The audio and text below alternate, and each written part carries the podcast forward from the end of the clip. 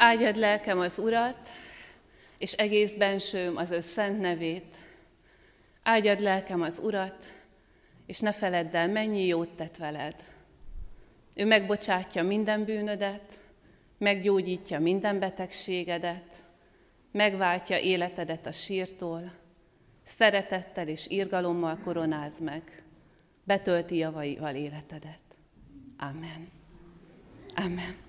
Áldás békesség, nagy szeretettel köszöntök mindenkit Isten tiszteletünkön. Foglaljuk el a helyünket, csak hadd mondjak néhány mondatot.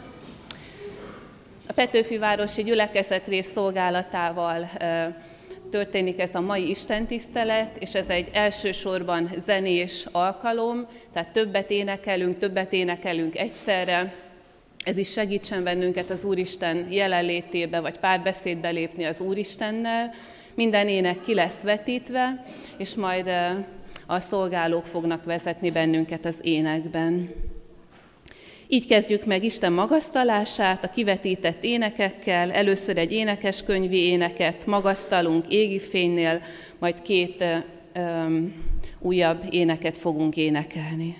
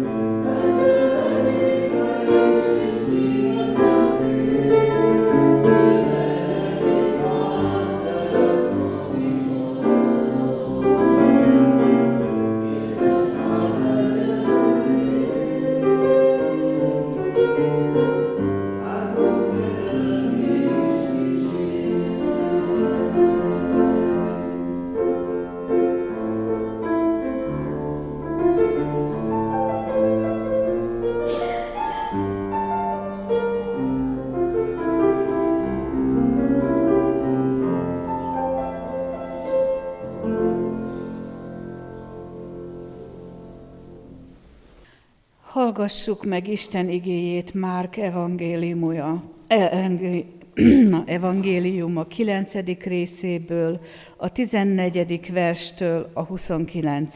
versig terjedő szakaszból. Amikor Jézus, Jakab és János a tanítványok közelébe értek, nagy sokaságot láttak körülöttük, írástudókat is, akik vitatkoztak velük. Amint meglátták Jézust, az egész sokaság nyomban megdöbbent, és elője, eléje futva köszöntötték őt. Ő pedig megkérdezte tőlük, miről vitatkoztok velük? A sokaságból így felelt neki val- valaki. Mester, elhoztam hozzád a fiamat, akiben néma lélek van, és ahol hatalmába keríti, földhöz vágtja őt, habzik a szája, és megmerevedik. Szóltam tanítványaidnak, hogy űzzék ki, de nem tudták. Jézus így válaszolt nekik. Ó, hitetlen nemzedék, meddig leszek még veletek? Me- meddig szenvedlek még titeket? Hozzátok őt elém. Oda vitték hozzá, és amikor meglátta Jézust a lélek, azonnal megrázta a fiút úgy, hogy a földre esve fetrengett, és habzott a szája. Jézus megkérdezte a fiú apjától, mióta gyötri ez a betegség? Mire ő ezt válaszolta, gyermekkora óta.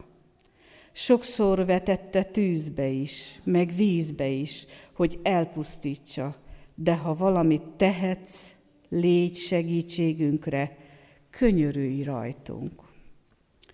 Jézus ezt mondta neki, ha tehetsz, minden lehetséges annak, aki hisz. A fiú apja azonnal felkiáltott, hiszek, segíts a hitetlenségemen. Amikor meglátta Jézus, hogy összefut a sokaság, ráparancsolta tisztátalan lélekre, ezt mondván neki. Te néma és süket lélek, megparancsolom neked, menj ki belőle, és ne menj bele többé. Az pedig felkiáltott, erősen megrázta őt, és kiment belőle. A gyermek olyan lett, mintha, mint a halott úgy, hogy sokan azt mondták, meghalt. Jézus azonban kezét megragadva felemelte, és az felkelt. Amikor aztán Jézus bement a házba, tanítványai megkérdezték tőle maguk között. Mi miért nem tudtuk kiűzni? Ő pedig ezt mondta nekik. Ez a fajta semmivel sem űzhető ki, csak imádsággal. Ámen. Ha csak imádsággal, akkor imádkozzunk. Urunk, itt vagyunk előtted, valamennyire tudatában annak, hogy, hogy előtted vagyunk, de még nagyon rászorulunk arra, hogy a jelenléted elérjen és behívjon bennünket magába. Urunk, eljöttünk, mert, mert már tudjuk, hogy jó nekünk itt lenni. Eljöttünk, mert már megtapasztaltuk, már tudjuk, hogy örök élet beszéde van nálad, ami a mindennapjainkat is megéle, megeleveníti, ami jó irányba állít bennünket ismét, de szükségünk van arra, hogy ki is nyis bennünket ezelőtt a beszéd előtt. Szükségünk van arra, Istenünk, hogy ne csak a fülünk legyen kész, hanem, hanem az egész lényünk, hogy erőd szavad át tudjon járni. Így kérünk, hogy áld meg most ezt az Isten tiszteletet.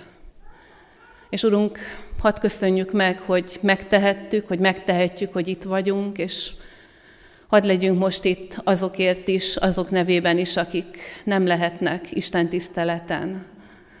Azokért, Urunk, akiknek a háború elvette a lehetőségét a minden hetes Isten tisztelettől.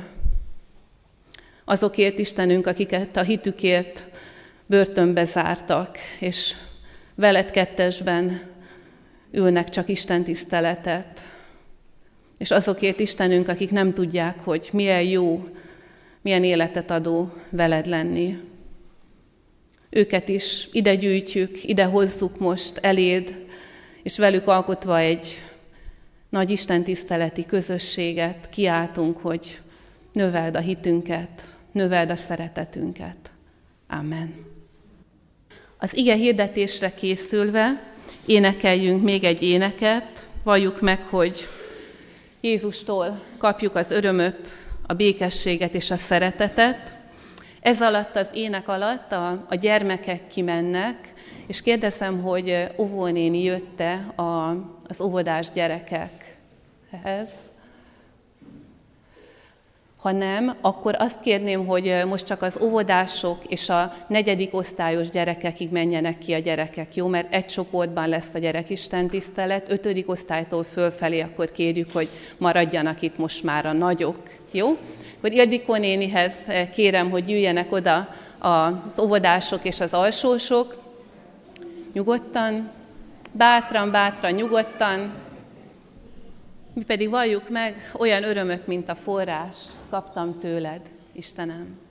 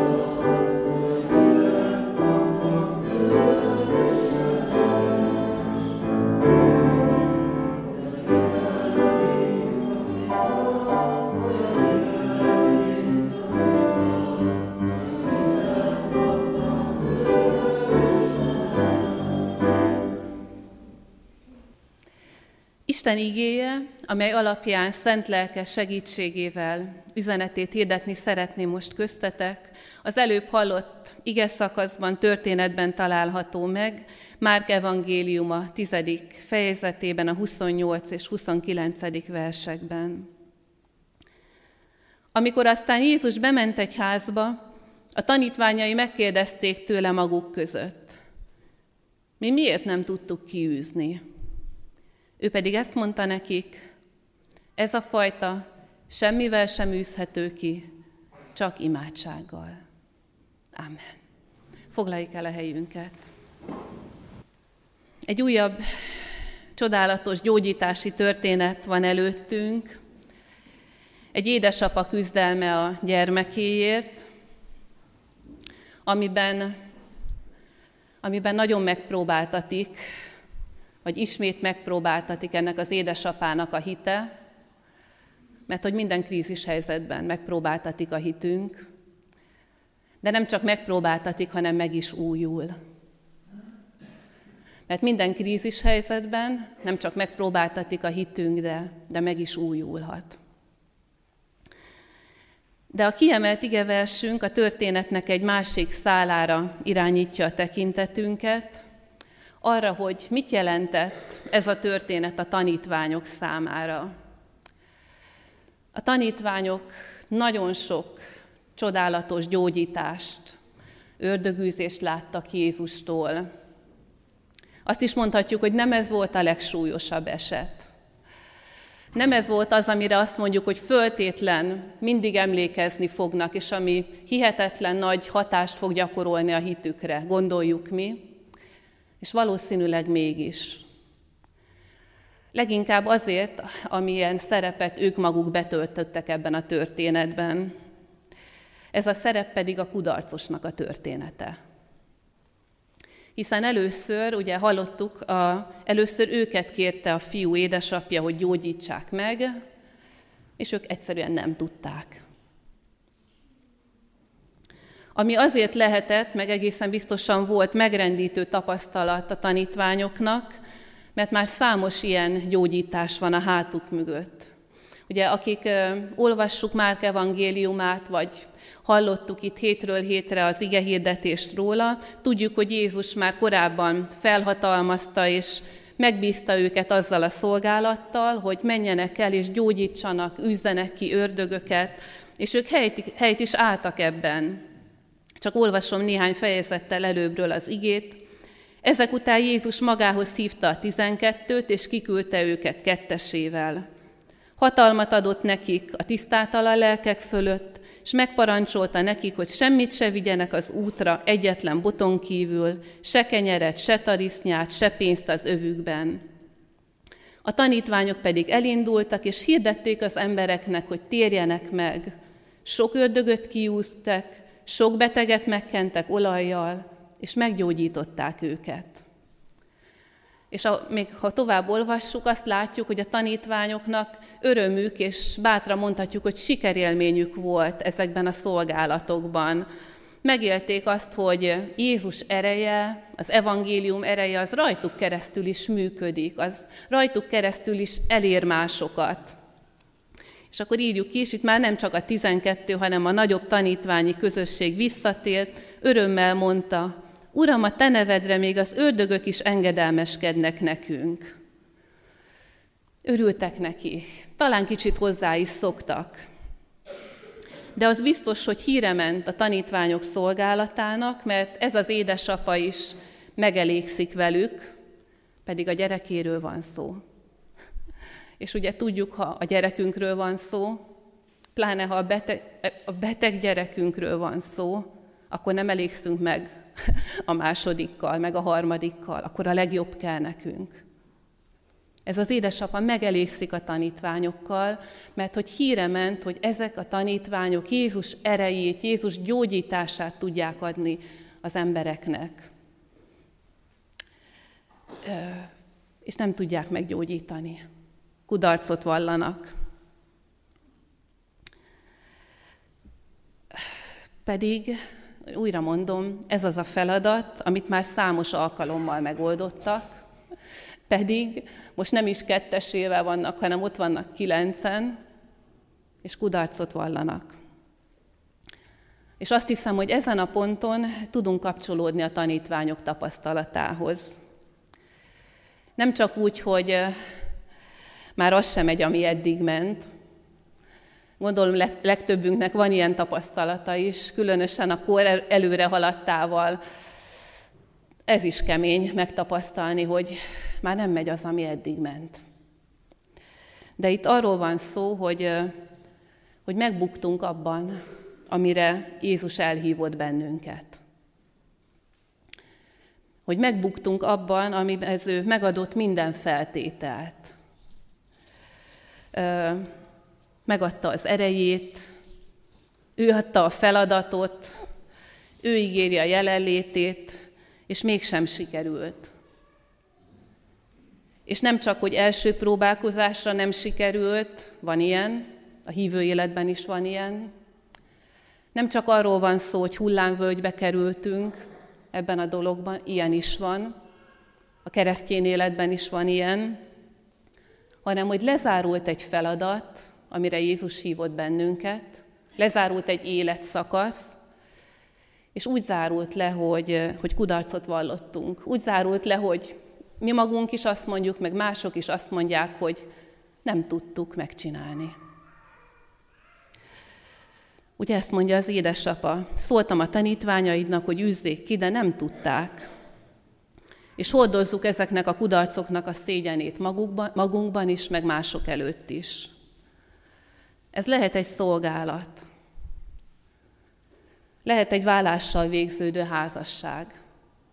Mert hogy keresztény emberek között is nagyon sok vállás van. És mennyi fájdalom és mennyi megbukottság érzés kapcsolódik ahhoz, amikor keresztény emberek eljutnak odáig, hogy nem tudunk együtt élni tovább.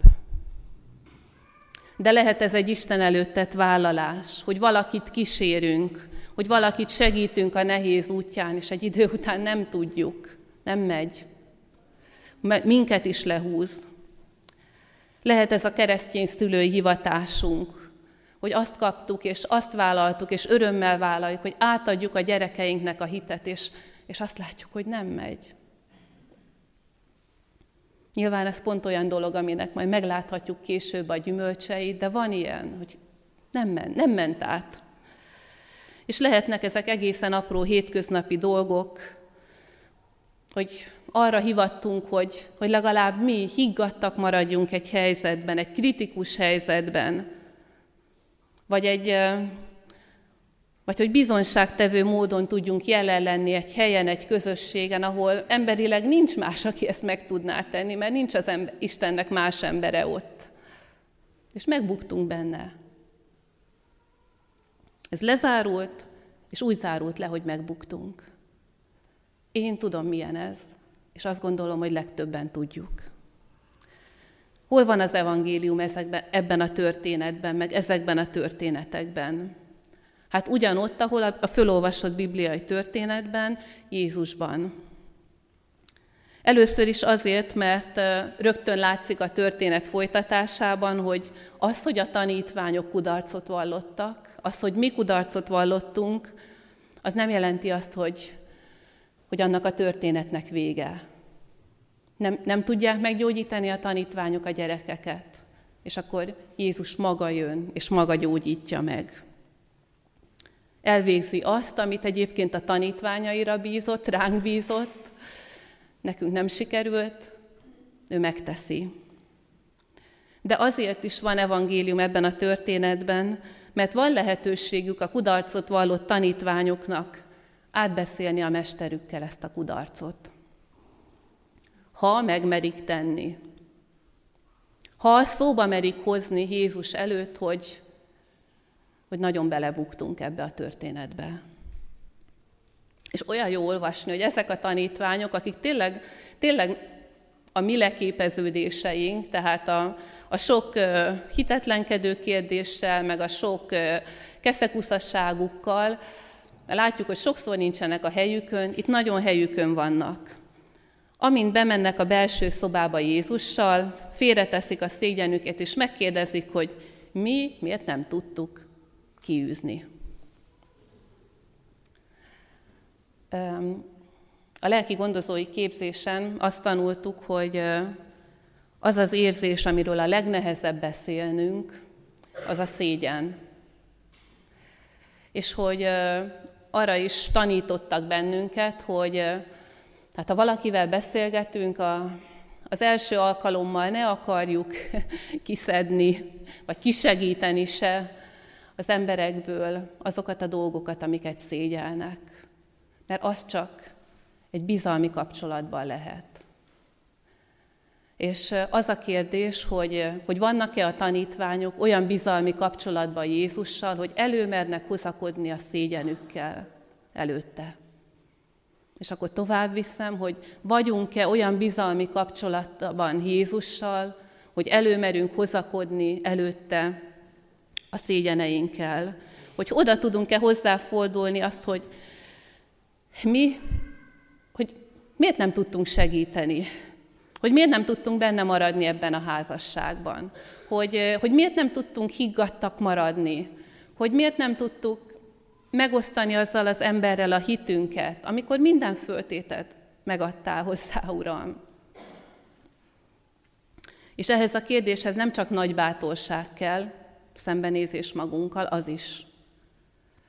Nem csak nagy alázat kell kimondani, ki is mondani, nem csak tudni, hogy bebuktunk, az is, hanem nagyon nagy bizalom Jézus iránt. És olyan jó, hogy azt látjuk ebben a történetben, hogy olyan Jézusunk van, olyan Istenünk van, aki előtt ki lehet mondani a bebukásainkat is. És az is olyan szép, hogy Jézus nem hozza szóba, nem kéri őket számon, hogy hogy a csudába nem jött ez nektek össze. Nem adtam meg nektek minden feltételt hozzá. Semmit nem mond. Megvárja, amíg odafordulnak, és megkérdezik, fölteszik maguknak és neki a kérdést, hogy mi miért nem tudtuk megcsinálni. Felmerjük-e mi is tenni ezeket a kérdéseinket? És nem azért, mert a mai világ az most százszázalékos teljesítményt vár minden területen. Nem azért, mert, mert ezentúl csak is száz százalékkal kell teljesítenünk, hanem azért, mert, mert erre hivattunk, hogy Jézus erejét, szeretetét megéljük és továbbadjuk. És ha ez nem sikerül, akkor, akkor jó oda menni az Urunkhoz, és megkérdezni, hogy Urunk, ez miért nem sikerül. Hol az akadály? Bennem? Valószínűleg igen. És Jézusnak nagyon egyszerű a válasza. Azt mondja, ez a fajta semmivel sem űzhető ki, csak imádsággal. És akkor, hát lefordítva, ez a nehézség, ez a gond sehogy máshogy nem oldható meg, csak imádsággal. És itt most nem csak arról a fajta démonról van szó, sok minden másról. Ez a fajta krízis, amiben vagyunk, ez sehogy máshogy nem oldható meg, csak imádsággal. Sőt, Máté evangélium egy még hozzá kicsit részletesebben is hozza Jézus válaszát. Azt mondja, hogy kis miatt. Bizony mondom nektek, ha akkora hitetek lenne, mint egy mustármag, és azt mondanátok ennek a hegynek, menj innen oda, oda menne, és semmi se volna lehetetlen és utána teszi hozzá, hogy egyébként ez a fajta csak imádsággal. Hogyan értsük ezt? Hogyan segített ott az a válasz a tanítványoknak, és hogyan segít nekünk?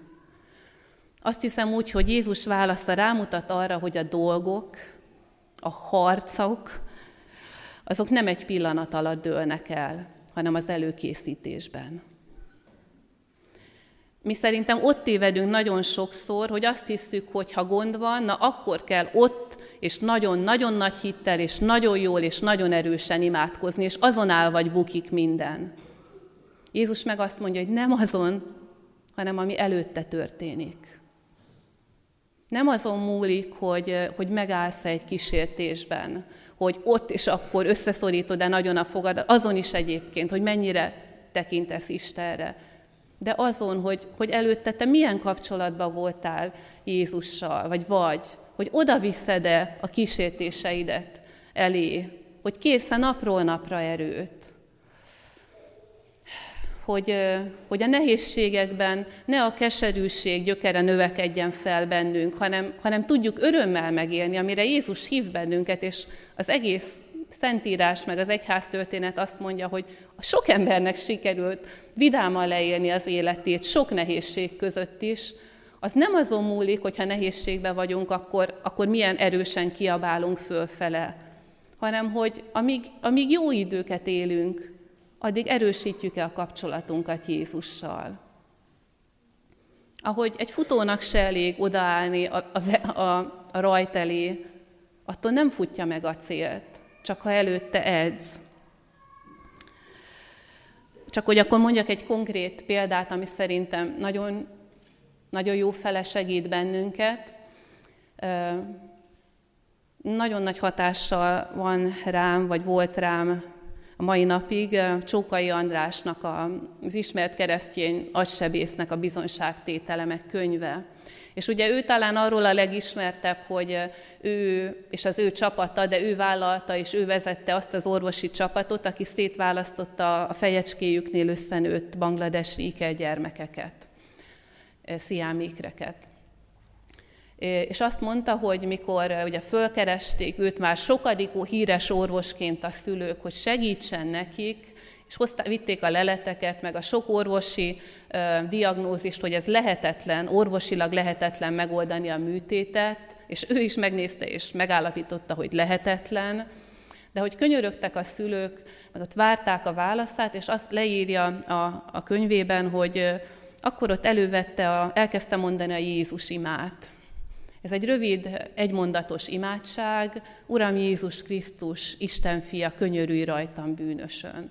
És elmondja, hogy ő ezt naponta sokszor mondja el, és hogy, hogy ez az imádság neki arra jó, hogy belegyakorolta abban, hogy, hogy, hogy nagyon hamar Jézus közelébe segíti ez az ima, mert hogy ez, ez már tényleg így egyé vált vele. És elkezdte mondani ezt az imádságot, és mondta, hogy tíz percig csak nézte a, ezt a leletet, és mondta az imádságot, és hogy akkor megkapta, megkapta ezt az orvosi uh, megoldást, amit rajta kívül a világon senki nem tudott, ő se tudott, és senki nem kapott meg, csak ő. De nem azért, mert ott akkor olyan iszonyatos erővel imádkozott, hanem mert ő egy folyamatos, élő kapcsolatban volt és van Istennel, és hogy akkor elővette azt a kapcsolatot. És hogy volt olyan kapcsolatban, hogy, hogy Jézus, hogy meg tudta hallani Jézusnak azt a szavát, amit más nem. Jézus ezt mondja, ez a fajta semmivel sem űzhető ki, semmivel se oldható meg, csak imádsággal és hittel. Folyamatos, kitartó imádsággal. És én belátom, aláírom, és egyetértek mindenkivel, aki azt mondja, hogy nagyon igénybevevő, és időnként nagyon fárasztó folyamatos imádságban lenni nagyon igénybevevő és nagyon fárasztó egy nehéz nap elején, közepén, végén Istenhez fordulni, reflektálni azokra a dolgokra Isten előtt, amikor alig húzzuk magunkat. De hogy muszáj. Mert ezen keresztül erősödik a kapcsolat, ezen keresztül jön hozzánk, jönnek hozzánk azok a mennyei erők, amiket Jézus egyébként akar nekünk adni mert erre hívta a tanítványait. Amikor azt mondta, hogy menjetek el, hirdessétek az evangéliumot, és gyógyítsatok betegségeket és erőtlenségeket, akkor azt mondta az akkori, és mondja nekünk a mai tanítványoknak azért, mert én tudom nektek adni az erőimet. Csak kérjétek, csak legyünk kapcsolatban. Összegzés. Jézus feladatot, hivatást ad nekünk, elvinni ezt az erőt, ezt az örömhírt másokra, és tényleg megad minden feltételt. Merjük odavinni minden kudarcunkat elé, bátran, bizalommal, és kérjük, erősítsük naponta a kapcsolatot, amin keresztül valóban Jézus erői jelennek meg, vagy újulnak meg az életünkben. Legyen így. Amen.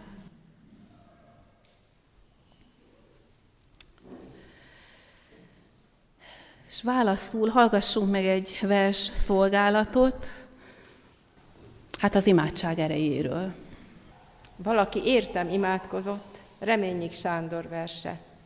Mikor a bűntől meggyötörten, a lelkem terheket hordozott, egyszer csak könnyebb lett a lelkem.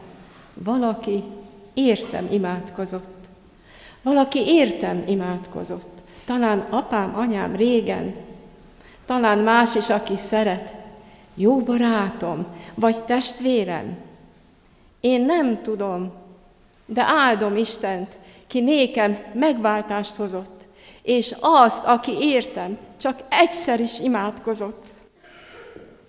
Köszönjük szépen, és egy szép énekünk le, következik, nálad lett borrá a víz, szép bizonságtétel arról, hogy milyen ereje van ma is Jézus Krisztusnak. Utána pedig Gábor vezet majd bennünket imádságban.